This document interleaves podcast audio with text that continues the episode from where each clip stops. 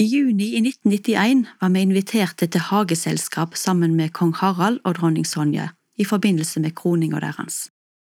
Det var kjempestas å få en sånn invitasjon, og vi gledde oss over å få være med. Kongen kom, men hadde vi ikke visst bedre, så hadde vi trodd at det var en hva som helst mann i sin beste alder som dukka opp ifra sjaluppen. Men vi hadde lest om han, sett bilder av han, hørt om han hele livet, og av og til så hadde vi også hørt stemmen hans, så vi kjente han igjen og gledde oss over hans nærvær. Da kongenes konge kom til denne verden, så han akkurat ut som et vanlig menneske. Han var en baby som måtte ha stell, et barn som måtte ha omsorg og støtte, og en voksen mann som levde under de samme vilkår som resten av det jødiske folk, som på den tida var undertrykt av romerne. Det var ikke lett å få øye på hvem man egentlig var. Så det er ikke så rart at Paulus var forvirra, da han i avhøret av Jesus spør om han virkelig er konge. Det så jo slett ikke sånn ut, tvert imot. I Jesajas 53 så sier profeten om han, Hvem trodde budskapen vi fikk, hvem vart Herrens arm åpenbæra for? Han skaut opp som ei spire for hans andlet, som ei renning av tørr jord. Han hadde ingen herlig skapnad vi kunne sjå på, ikke en utsjånad vi kunne glede oss over. Han var forakta, forlaten av mennesket, en mann av smerte, kjent med sjukdom, en de løgner andletet for. Han var forakta, vi rekna han ikke for noe. Det var ikke rart at Pilatus stussa over om denne personen virkelig kunne være konge. Kanskje er det heller ikke så rart om mennesket i dag ikke gjenkjenner Jesus som kongenes konge. Det ser ikke så ruvende ut, dette som kalles Guds rike, hans kongerike. Mange av innbyggerne i dette riket lever under uverdige forhold og under stor forakt. Mange kristne må leve i skjul. De kan ikke fortelle at de er borgere av et evig rike som aldri skal få gå. For det er nemlig sånn det er. Jesu kongerike er ikke av denne verden, sa han. Det er usynlig, det er bygd på en annen måte, på en annen grunnvoll enn militærmakt og pengemakt. Men det betyr ikke at det er uvirkelige. Det mest verdifulle i livet er usynlig. Kjærleiken, gleden, fellesskapet, freden. Dette er ikke størrelser som en kan måle opp og betale for i en butikk. Du kan ikke bestille det på nettet.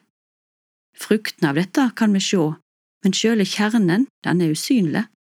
Arne Garborg sier det sånn i diktet om penger. En kan kjøpe seg mat, men ikke mathug. Dråper, men ikke helse. Mjuke senger, men ikke svevn. Lærdom, men ikke vet. Stas, men ikke venleik. Glans, men ikke hygge. Moro, men ikke glede. Kamerater, men ikke vennskap. Tjenere, men ikke truskap. Grå hår, men ikke ære.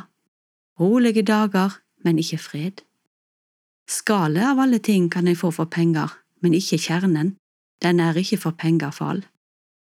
Så da at noe er usynlig, betyr ikke at det ikke finnes. I andre Korinterbrev 4,18 står det sånn. Vi har ikke det synlige for øynene, men det usynlige, for det synlige er forgjengelig, det usynlige er evig. Jesu kongerike er ikke synlig for oss her og nå, men det er likevel det mest virkelige av alt, for det er det som står igjen når alt annet er borte. Når Jesus er konge og vi tilhører han, da er vi kongebarn. I Norge har vi to kongebarn, Håkon og Märtha. De er ikke kongebarn fordi de har gjort noe ekstraordinært, fordi de har gått på de rette skolene, fordi de er spesielt vakre eller har spesielle kongebarnevner. Det er bare én grunn til at de er kongebarn. Vi har kongen til far. Sånn er det med oss òg. Det er ingenting med oss som gjør oss spesielt skikka for å være kongebarn. Det er noe som blir gitt oss i fødselsgave. Jesus sa til Nikodemus at han måtte bli født på ny som menneske så er vi fødte med ryggen mot Gud, siden Adam og Eva gjorde opprør mot skaperen sin i Edens hage.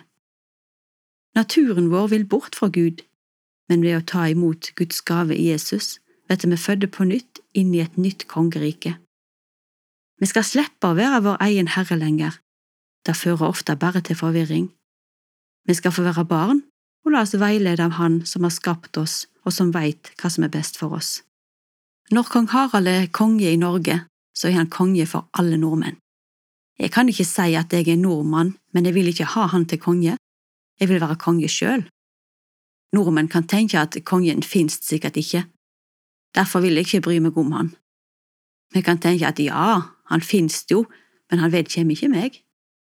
Vi kan tenke at ja, han er konge, og han er nok en god konge òg, men jeg vil ikke bry meg om det han sier likevel. Det er mange ulike tanker vi kan ha om han som er kongenes konge òg.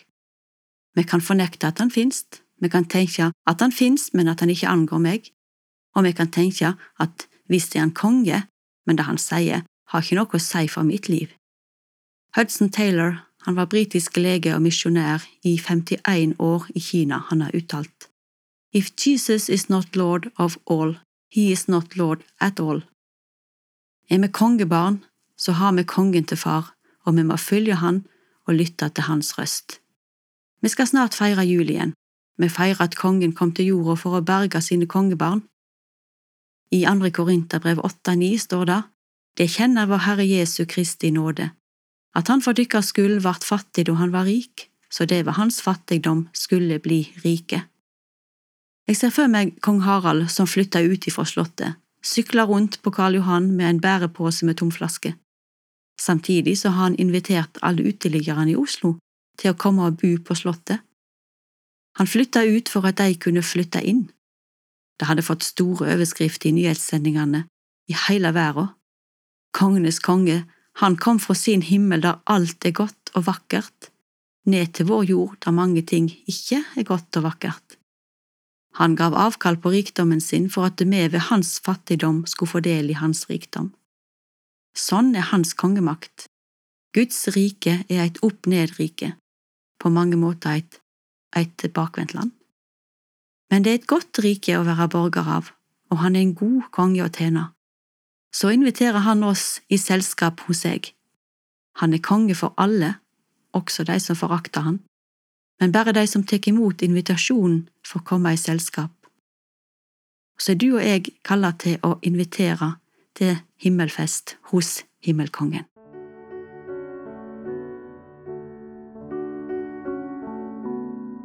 Det var Britt Kari Urdal som delte sine refleksjoner her i adventspodkasten til Norea Håpets kvinner. Norea Håpets kvinner ønsker å bringe håp i Jesus til kvinner i alle generasjoner, både internasjonalt og her i Norge. Britt Kari er informasjonskonsulent i Norea, og en av oppgavene hun har, det er å ferdigstille bønnekalenderen som ble oversatt til norsk. Denne sender vi gratis ut til forbedrere i Norge. Og ønsker du å være med i bønnearbeidet til Håpets kvinner, så kan du sende en SMS til 2065 med kodeord 'bønn kvinner'. Da får du tilsendt et månedlig nyhetsbrev og en bønnekalender, slik at du også kan være med og be for verdens kvinner. Må Gud besigne deg og dagen din.